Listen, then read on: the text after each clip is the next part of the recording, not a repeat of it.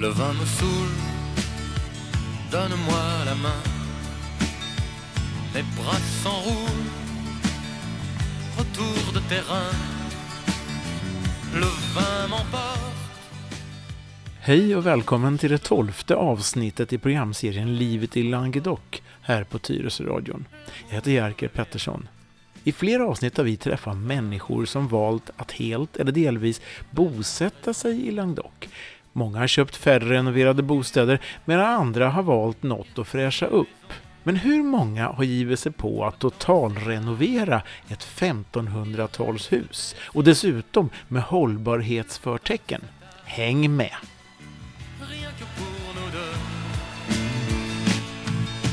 On a toute la nuit, et tant que tu voudras, la moitié för att ta reda på mer beger jag mig till Jan Peter Bergqvist och till hans kontor på Bäckholmen på Kungliga Djurgården med utsikt över Stockholms inlopp.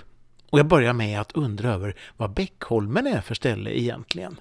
Ja, Bäckholmen är en fascinerande plats. Eh, här, ja, det hela började med att man kokade bäck någon gång på, eh, kan det ha varit 1500-1600-talet. Eh, därför man vill inte göra det i stadsmiljöer eftersom det brann ner eller upp med jämna mellanrum.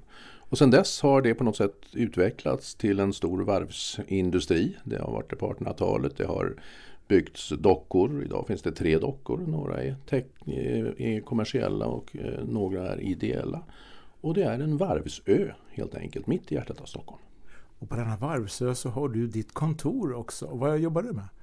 Ja, här har jag som hållbarhetsrådgivare eh, hamnat av en tillfällighet. Eh, och det är ju en fantastisk tillfällighet, inte minst när man tittar ut genom fönstret en sån här vacker dag och ser Stockholms inlopp i solglans.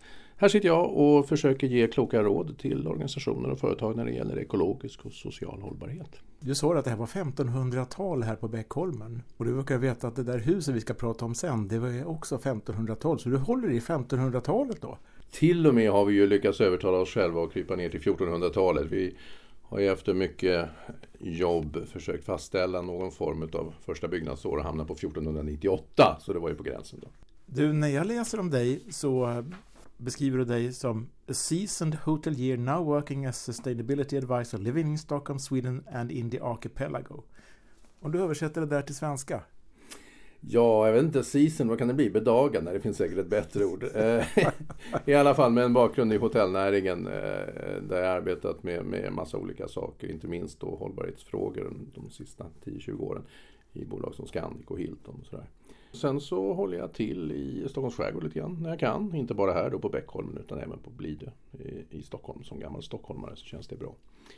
Eh, och idag så rådgiver jag helt enkelt i ekologisk och social hållbarhet som vi sa. Så du har tre ställen då. Som du, ja, du har kontor i Bäckholmen, du har en här i Frankrike och så har du Blidö Och så bor jag i Bromma. och så bor du i Bromma. Du har, du har fyra ställen. Ja, det låter hemskt när du säger det. Nej, det är väl bra? Ja. Det låter jobbigt. Det här med hållbarhet och så. Hur hjälper du företag med det då? Rent konkret? Faktiskt svarar du på frågan själv, rent konkret. Det är mycket det som, som jag har jobbat med under de här tio åren i det här bolaget. Att försöka få de här policies och vackra tankar och fina idéer till att hända i det vardagliga, i det dagliga. Eh, Jag tror det är det vi måste göra om vi ska uppfylla, oaktat det är Agenda 2030 eller nå hållbarhet eller vad vi vill. Och bråttom är det. Det här franska intresset då? Hur kommer det? Ja, varför blir man frankofil? Det är en intressant fråga. Ja, den ständiga frågan va? Ja. Ja. Vad är, vad är ditt svar på det då? Eh, Modersmjölken ganska mycket. Eh, tror jag. Eh, min, och jag inser det mer och mer utan att ha vetat om det. Min mor eh, som drev eh, turnéteater i Sverige var djupt fascinerad av Frankrike och dessutom var det ju så att eh, lite grann hade kanske Paris den roll som, som eh, eh, West End och Broadway har idag när det gäller nya inspel, nya komedier och så vidare i en mer europeisk kontext som det var på 50-60-talen. Så hon var där väldigt mycket, hon var väldigt intresserad av franska, jag lyssnade på Yves Montand och Edith Piaf när jag var liten och så vidare. Jag tror det kommer därifrån rätt mycket. Så du har det med dig, alltså det är så. När, när började du liksom åka till Frankrike då? Jag bodde i Paris en månad på Centre Culturel Suédois, alltså Svenska institutet som ju fortfarande finns där nere och lever i högönsklig välmåga när jag var 12-13 år tillsammans med morsan. Så har jag bott där ett par gånger till efter det på eget bevåg så att säga. Eh, Så då var det mycket Paris kan man ju säga. Sen har man väl tågluffat som alla andra i min generation. Så. Alla har väl gjort en sväng. Ja, och då var det också mycket Frankrike. Men annars har det varit mycket, mycket Paris har det varit och nu på sista tiden har det då blivit Sydfrankrike istället. Det här med då att skaffa sig ett hus i Frankrike, det är ju många som drömmer om och det finns många berättelser och så. Hur kom du på idén då att skaffa ett hus? Ja, sånt där frågar man sig när det väl sen har hänt. Eh, jag var nere och jobbade för 10-15 år sedan och eh, nere i norra Spanien i Girona och då hyrde jag en bil, och körde över gränsen och åkte runt lite grann i Åd, som ju departementet heter där jag sen har hamnat av en tillfällighet. Eh, och fell in love det så att säga. Och så tog jag med hustrun tio år senare och så åkte vi och tittade på det igen och tyckte fortfarande det var jättefint. Och ett halvår senare så hade vi ett hus. Återigen sånt här lär man sig ofta efteråt istället. Men vi försökte sköta oss. Vi hade en lista med sånt man inte skulle ge avkall på och tänka på och sådär. Eh, Och det funkar rätt bra i alla fall. Även om till slut blir det ju känslor och magkänsla. Och var hamnar ni nu då? Vi hamnade i Periac-Minervois som ligger i kantonen Periac-Minervois. Fransmännen har ju, som du väl vet, samlat på sig alla organisatoriska system som finns från romarna och framåt. Eh, så finns ju fortfarande kantoner till och med, även om de är under avveckling. Och, och det här är då huvudstaden i den här lilla kantonen. Eh, för att vara en huvudstad så är den ju inte så jättestor, utan vi är 1013 stycken som bor i Periac. Eh, och det har det varit sedan 1100-talet har det varit tusen personer ungefär. Det finns faktiskt statistik. konstant alltså. Ja.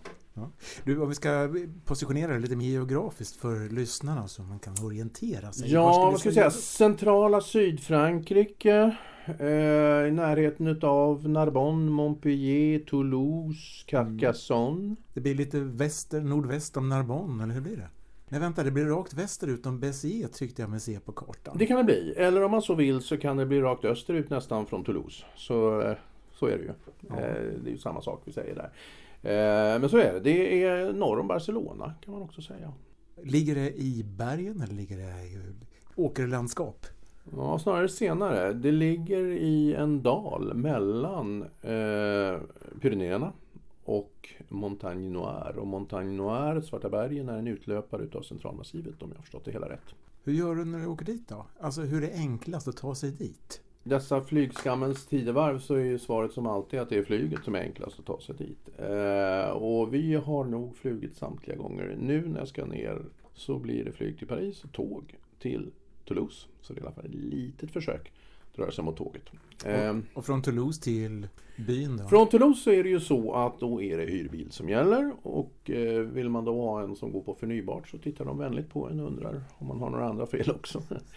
Så det blir en liten eh, dieselbil av något slag, inte allt för liten eh, men näst minsta eller någonting sånt där.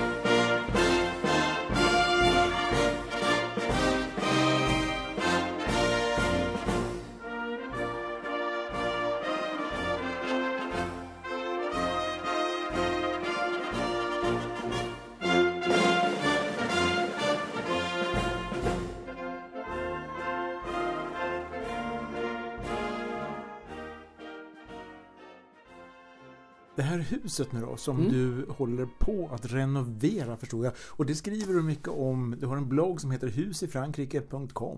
Ja. När köpte du huset? Oktober 2015. Så det har alltså hunnit bli, vad säger vi, nästan fyra år? Tre och ett halvt? Ja. ja. I vilket skick var det då? då?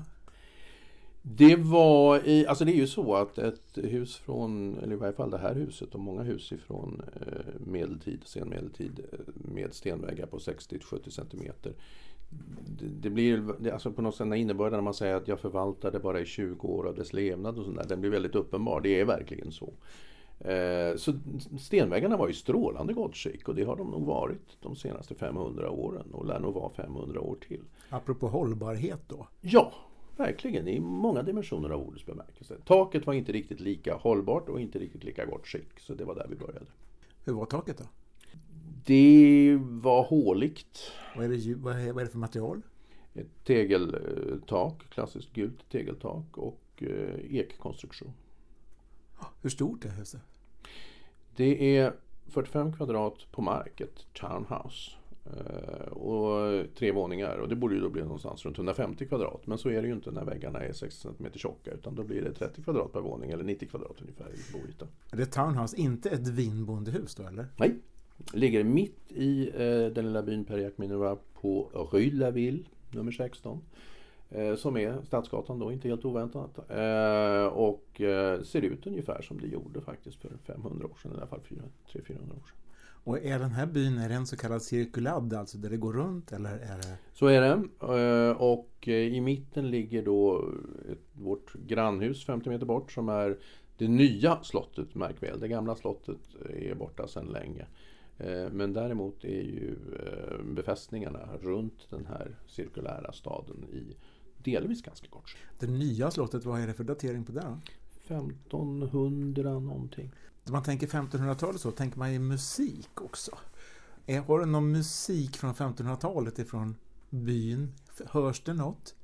Nej, det vi har, närmaste vi har kommit det är väl att försöka förstå lite mer om, om eh, trubadurerna och de ballader som de skrev. Då är vi ju några hundra år tidigare, 13-14 då kanske. Men det funkar ju rätt bra det också.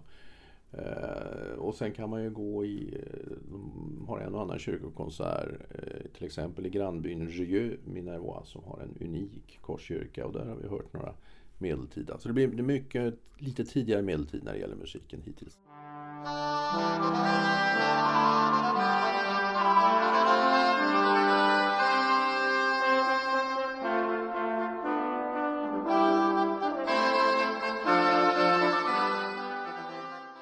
Det här huset behövde alltså renoveras förstår jag då ganska rejält. Ja. I vilken ände börjar ni? Eh, ja, med taket just. Eh, och, och, det är väl ett gott råd. Man lär sig som sagt man kan väl kanske lite grann innan men man lär sig väldigt mycket under resans gång. Eh, och när man inte är eh, professionell hantverkare utan bara en glad amatör och dessutom har jobbat i Stockholms skärgård med trä och kommer ner och ska jobba i Sydfrankrike med mureri. Då, då är det kanske en fördel att vara frimurare, vilket det råkar vara. Men här plötsligt blev det inte spekulativt utan det blev praktiskt frimureri. Eller mureri. Eh, så vi började med taket och där fick vi hjälp att lägga på ett nytt tak. Och fick också hjälp att tänka efter direkt att spara nu för 17 de här gamla ekstockarna. Och då hajade man ju till lite för de såg ut som de hade passerat all räddning så att säga. Men det är ju bara på ytan. Inuti är det hårt som stål. Ek från 1500-talet. Så de har vi använt till mycket annat. Men nytt tak, det var början, alltså så det att det början. håller tätt? Så att det håller tätt, ja precis. Mm. Vet du hur är husets historia? Vem hade det innan du köpte det? Ja, vi startade för oss själva då ett litet projekt med att försöka, eh, som fortfarande pågår, och hitta historien fullt ut. Eh, och fick också hjälp av en, en vänlig tjänsteman på eh, Les Archives Departementales i Carcassonne, Monsieur Blanc. Men inte ens han lyckades hitta så väldigt mycket i deras djupa arkiv. Han var vänlig och erbjöd sig att hjälpa oss nämligen när jag sa att man kanske kan gå och söka i arkiven och då förklarade han för mig att även om du har en någorlunda okej okay turistfranska så är det kanske inte det enklaste med eh, antika franska dokument. Men han hade svårt att hitta någonting. Så vad vi vet idag är egentligen att vi köpte av kommunen. Kommunen eh, hade lett, upplät åt folk som hade kanske lite svårt att eller en herre som hade lite svårt att fixa sitt eget boende, men som i övrigt var en, en trevlig man.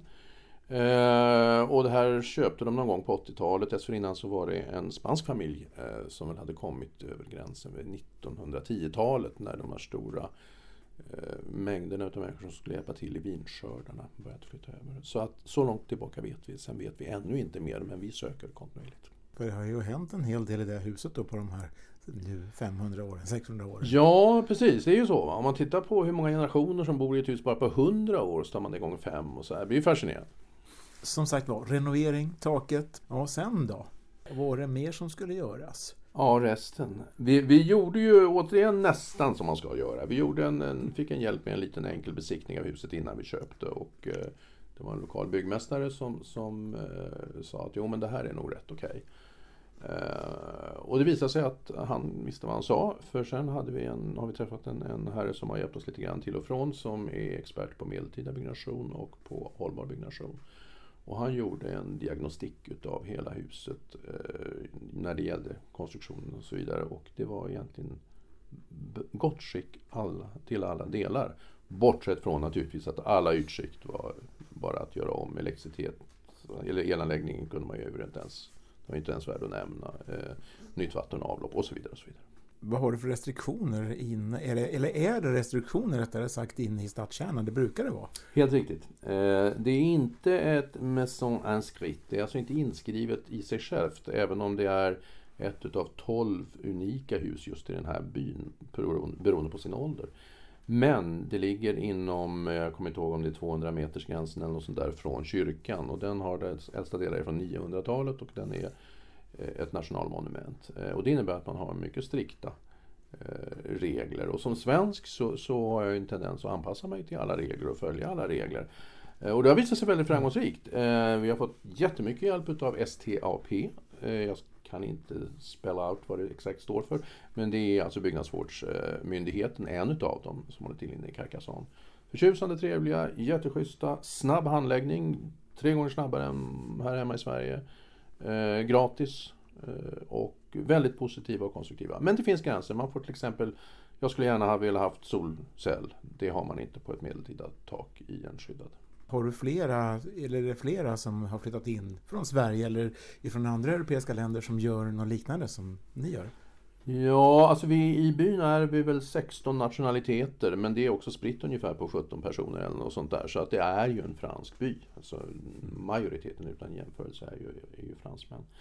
Eh, finns det andra som har, gör liknande i stan och renoverar? Nej, inte något Många har gjort renoveringar utav hus som är lite yngre och så vidare. Eh, men kanske inte just med den här specifika historiska inriktningen och hållbarhetsinriktningen. Det har jag nog inte träffat på någon hittills.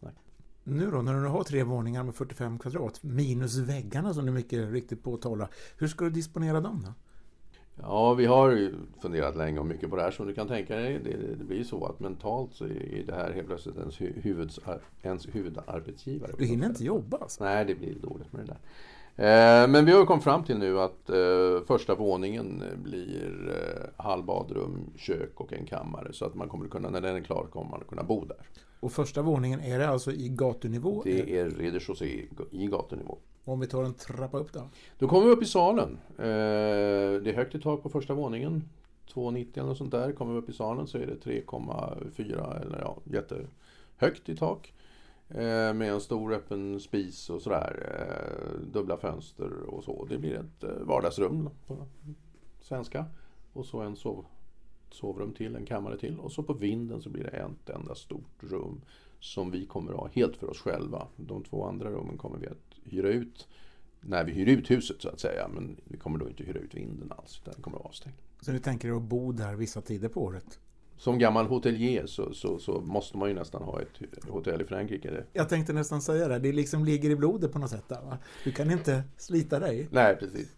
Nej, men det, det vi vill göra med det här projektet, eh, vid sidan av att det naturligtvis är, inte är någon nackdel att kunna hyra ut det ibland, ganska selektivt, eh, är att göra det till ett, ett hållbart turistprojekt där vi verkligen till varje del av byggnationen och till varje del av hur vi sen kommer driva det kommer att försöka optimera hållbarhetsfaktorerna, både sociala och ekologiska, som ett rent test. Om du skulle ta ett exempel på hur du då gör för att optimera hållbarhetsfaktorerna, bara för att visa på någonting konkret? Ja, börjar vi byggnadstekniskt så, så är ju det i princip i varenda eh, skede, så att säga. Allt från att vi då naturligtvis använder kalkbruk, eh, som är det traditionella, och det rimmar ju väl med, med, med det hållbara jämfört med cement och så vidare.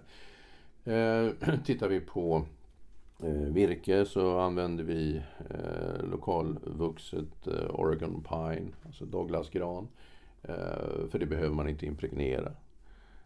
Om vi ändå impregnerar det eftersom vi är i termitetrakter så gör vi det med ett helt ekologiskt medel som vi har hittat i Tyskland som fungerar alldeles utmärkt och så vidare. Så det är egentligen i varje del, från, från de här grejerna som jag nämnt till när man berätta för vår trevliga rörmokare att ja, vi ska ju inte ha PVC utan vi ska ju ha gjutjärnsrör.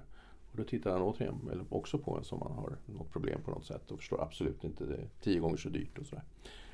Men, men, men, men, de är med på det ändå? Absolut, oerhört öppna, väldigt tillmötesgående skulle jag vilja säga. Hur har det varit att få tag på hantverkare rent generellt då? Ja, alltså det, det är ju inte så många vi använder så att säga. Utan det är ju sådana här saker som man inte får göra och inte kan göra. Till exempel i mitt fall i alla fall rörmokeri. Eh, och eh, då har vi haft eh, förmånen att få rekommendationer lokalt och de har varit mycket, mycket duktiga. Sen har jag haft glädjen att träffa det här bolaget Apex som håller till i Limo.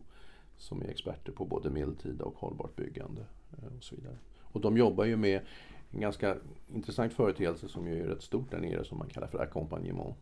Där man ju betalar en hantverkare ungefär som här, 40 euro, alltså 400 kronor timmen eller någonting sånt där. Eh, och eh, inte bara för att jobba utan för att jobba i kombination med att nästintill, jag ska inte säga aggressivt, men aktivt lära ut till mig som hantlangare. Det är ett oerhört fascinerande system. Så du har alltså lärt dig en massa på den här resan också? Enormt mycket. Och det man inser är att man då inte är 18 längre eller 11 eller när inlärningsförmågan ligger på topp. Va? Så att det, det... Men det är oerhört fascinerande. Jag har verkligen lärt mig fantastiskt mycket. Om du skulle ta ett, eh, ett exempel på någonting som du verkligen lärt dig nytt? Allt, men eh, bara det faktum att när du ska putsa en vägg, en murvägg, så tänker man att det är enkelt, att putsa man ju det då med, i vårt fall kalkputs. Och det gör man ju, men om det råkar vara så att det är parpanger, alltså sådana här lättbetongblock. Eh, ja, då måste man först se till att putsa, förputsa med en gobetiss. En eh, tunn eh, bruksblandning. Och eh, när det då är på en yta som inte är utav kalkbruk, då måste man blanda in hälften cement och så vidare. Alltså det är en hel vetenskap och rätt viktig för annars blir det ganska krackligt. Okej, det låter som en parentes som jag kommer att tänka på. Det var någon som lärde mig det här att eh, många kanske då gärna i svensk stil vill ja, nästan klä in väggarna så att säga och isolera för mycket. Och då slutar de andas, slutar den naturliga så att säga eh, fuktvandringen i väggarna får inte finnas och sen blir det inget bra. Nej, det är väl en underbar beskrivning och jag skulle inte vilja säga att det är på, bara på svenskt vis utan väldigt mycket på franskt vis. Eh, det finns ju fortfarande eh, någon slags känsla utav att det raka 50-tals fräscha, nya, moderna är det läckra. Och det kanske är för att man lite tydligare har i det kollektiva minnet det sunkiga, tråkiga, smutsiga. Eh, vi ligger väl en 30-40 år före kanske just när det gäller den traditionen i och med att vi har sluppit krig och annat. Eh, så vi har liksom glömt bort det där med gamla Lort-Sverige som var så skönt att bli av med. Eh, men där finns lite kvar utav det och det gör ju att man bygger väldigt rakt. Och då bygger man in och dessutom är det ju så att Frankrike oaktat om man pratar om vintillverkning eller man pratar om byggnation Eh, så finns det ju en djupgående förhållande mellan kemikalieindustrin och eh, de olika industrierna. Det vill säga att det är det är ingen tillfällighet att en brädgård heter ju inte brädgård på franska utan det heter bois et PVC. Trä och PVC. Quand je la prends dans mes bras Elle me parle tout bas Je vois la vie en rose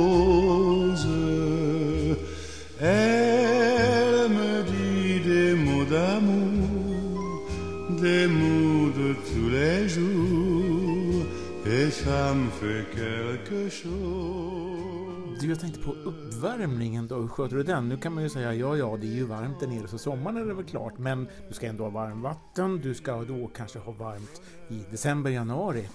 Helt riktigt. Eh, och, och visst är det så att när man är där nere och, och jobbar och framförallt kanske om man murar en dag när det är 32 grader varmt och sådär. Då är det inte, är det inte värme, uppvärmning det första man tänker på.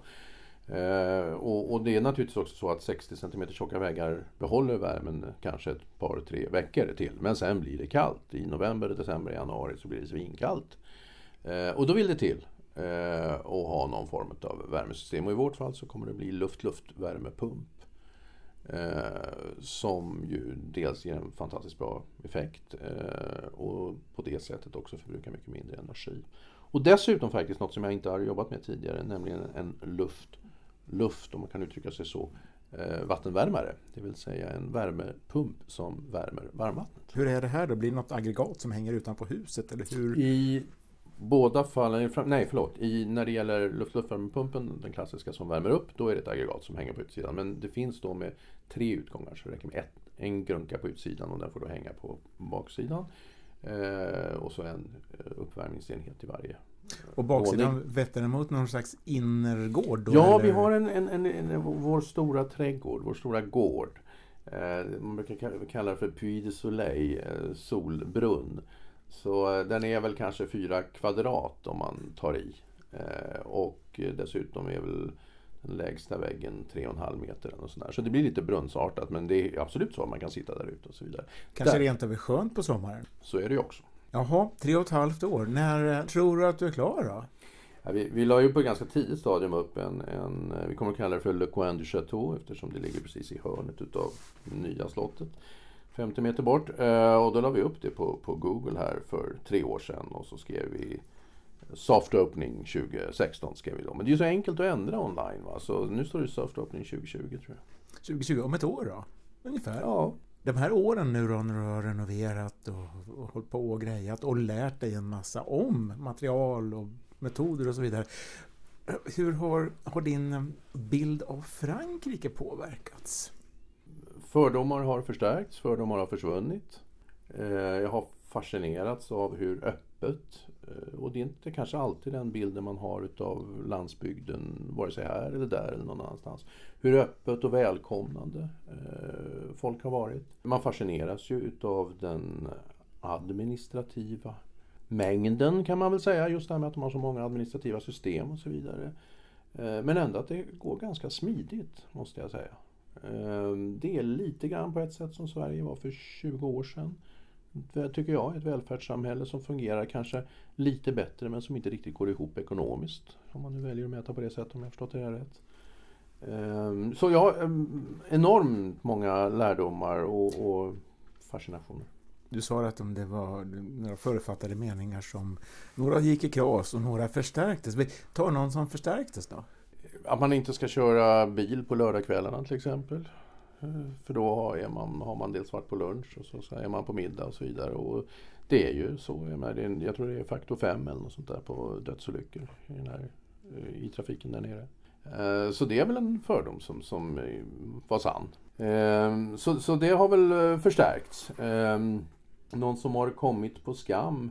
Alltså jag gick ju in i det här med tron att om man är positiv och ser myndigheter och så vidare som support och hjälp så blir det väldigt bra. Och det blev det. Eh, och jag tror att det finns något i det här. Jag har träffat på väldigt många, kanske ofta engelsmän, som gärna berättar eh, för sig själva och omvärlden att det är helt omöjligt att komma vidare här och det är helt omöjligt med den här administrationen. Och då blir det nog så. Je me lève et je te bouscule Tu ne te réveilles pas comme d'habitude. Sur toi, je remonte le drap. J'ai peur que tu aies froid, comme d'habitude. Om vi då ska ta och titta på allt det där du har lärt om, du skulle våga dig på och ge några råd till då alla som funderar på att det skulle väl vara kul att skaffa sig ett hus och renovera i södra Frankrike. Mm. Vågar du dig på liksom topp tre råd? Ja, det blir någon slags kombination av det som vi gjorde bra och det som vi borde ha gjort bra. Och, och, jag tror att det absolut viktigaste är att ha en lista där man på något sätt har bestämt sig för vad man inte vill ge avkall på. För att eh, det är så lätt att bli förälskad i ett eh, objekt. Och det ska man ju bli i det man köper. Men det kan ju finnas fler möjliga. Och då är det bra att ha en lista. Eh, och det är ju en jätteskillnad om det finns tak eller inte. Eller om det finns el eller inte. Eller om det finns vatten eller inte. Och så vidare. Så den listan tror jag är väldigt viktig. Eh, jag tror språket får bli den andra eh, grejen. Och det betyder inte att man ska mm, prata, prata flytande franska. Utan snarare en ödmjukhet, ett intresse och en vilja. Det kommer man jättelångt med skulle jag vilja säga. Så det var listan, språket. Ska vi klämma till en tredje tror du?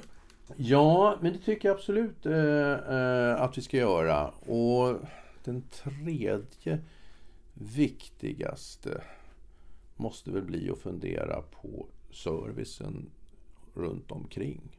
Allt ifrån om man har kids, att det finns en skola, till sjukhus om man tänker bli sjuk, till om man måste... För alltså, public transportation är ju inte alltid Frans, Sydfrankrikes i alla fall starkaste gren. Eh, så eh, de åker ju till och med 50 meter till, till eh, bageriet som du vet för att hämta baguetten på morgonen. Och så här. Det är ju den lilla dieselbilens förlovade land. Ehm, och det gör ju naturligtvis att man behöver ha någon form av affär, någon restaurang kanske i närheten. Så det är viktigt att göra den skanningen, även om det är jättevackert det ställe man ser. Ligger det mitt ute i nowhere och man inte har någon service så kan det bli tråkigt längre tror jag. Listan, språket, platsen får vi kalla det då helt enkelt. Du, när ska du ner härnäst? Jag åker på fredag. Alltså Denna den... vecka, den eh, 16, 15, 15 blir det ja. ja, just det. Okej, vad står på schemat? Ja, först tre dagar med yngsta dottern i Paris. Eh, vilket ska bli jättekul. Eh, och sen tåget som sagt ner till Toulouse och bil till Periac Minervois. Och då är det nedvåningen som nu är prioriterad. Det är putsning utav eh, resten utav köksväggarna. Förstärkning utav det som ska bli eh, köksventilationskåpan som är den gamla spisen. Lite iläggning utav elrör i väggarna. Elrör som då är gjorda inte i PVC utan i en betydligt bättre plast. Och så typ 30 grejer till. Mm, det finns att göra. Ja. Då får du lämna Bäckholmen och den här utsikten som just nu när vi sitter här den 11 mars på eftermiddagen så ser vi Viking Lines Cinderella glida in här och ska lägga till vid Stadsgården. Det här, är, det här är din dagliga utsikt Det är alltså? min dagliga utsikt. Ibland är det 40 meters marginal mellan akten och kajen och ibland är det 50 och sådär. Men de klarar det där jämt och ständigt. Lika fascinerande. Du kan tidtabellen nu då? Ja. Tusen tack för att jag fick komma här hit och höra om ditt projekt i Frankrike och se lite av Bäckholmen. Och så får du ha en trevlig resa ner nu. Tack för det. Det var jättetrevligt att ha dig här och jag hoppas vi syns i Frankrike, både du och jag och läsare och lyssnare och andra. Ja, det hoppas vi på. Le temps a passé et me revoilà, cherchant en vain la maison que j'aimais. Où sont les pierres et où sont les Och där lämnar vi Jan Peter Bergqvist och hans kontor på Bäckholmen och berättelsen om renoveringen av 1500-talshuset i Periac Minervois. Det här var alltså tolfte avsnittet i programserien Livet i Langdok. Vill du lyssna till tidigare avsnitt går du enklast till tyresoradion.se och skriver in Langdok i sökrutan. Sen är det bara att välja avsnitt och klicka vidare. Till nästa avsnitt och nästa gång säger jag, Jerker Pettersson, från ett snögloppigt Sverige. À bientôt et au revoir!